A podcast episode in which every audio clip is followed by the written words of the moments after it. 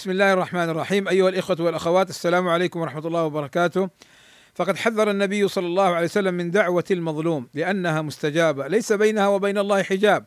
قال رسول الله صلى الله عليه وسلم لمعاذ لما بعثه إلى اليمن اتقي دعوة المظلوم فإنها ليس بينها وبين الله حجاب. وقال رسول الله صلى الله عليه وسلم ثلاث دعوات مستجابات لا شك فيهن دعوة المظلوم ودعوة المسافر ودعوة الوالد على ولده. بل وصف النبي صلى الله عليه وسلم دعوة المظلوم بالشرارة. فقال عليه الصلاة والسلام اتقوا دعوة المظلوم فإنها تصعد إلى السماء كأنها شرارة. بل يستجيب الله دعوة المظلوم ولو كان فاجرا. قال صلى الله عليه وسلم دعوة المظلوم مستجابة وإن كان فاجرا ففجوره على نفسه. بل يستجيب الله دعوة المظلوم ولو كان كافرا. قال صلى الله عليه وسلم اتقوا دعوة المظلوم وإن كان كافرا فإنه ليس دونها حجاب.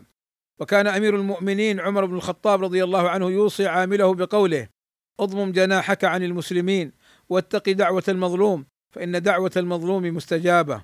وكان النبي صلى الله عليه وسلم يدعو يقول رب أعني ولا تعن علي وانصرني ولا تنصر علي وامكر لي ولا تمكر علي واهدني ويسر ويسر الهدى لي وانصرني على من بغى علي أي ظلمني.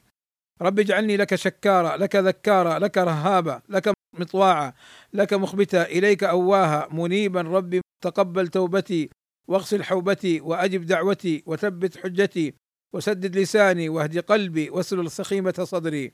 قوله وانصرني على من بغى علي أي ظلمني وتعدى علي. وكان النبي صلى الله عليه وسلم إذا سافر يستعيذ من دعوة المظلوم. فعن عبد الله بن السرجس رضي الله عنه قال كان رسول الله صلى الله عليه وسلم إذا سافر يتعوذ من وعثاء السفر وكآبة المنقلب والحور بعد الكور ودعوة المظلوم وسوء المنظر في الأهل والمال قال الإمام الشافعي رحمه الله تعالى وقد أحسن فيما قال أتهزأ بالدعاء وتزدريه وما تدري بما صنع الدعاء. سهام الليل لا تخطي ولكن لها أمد وللأمد انقضاء. والسلام عليكم ورحمة الله وبركاته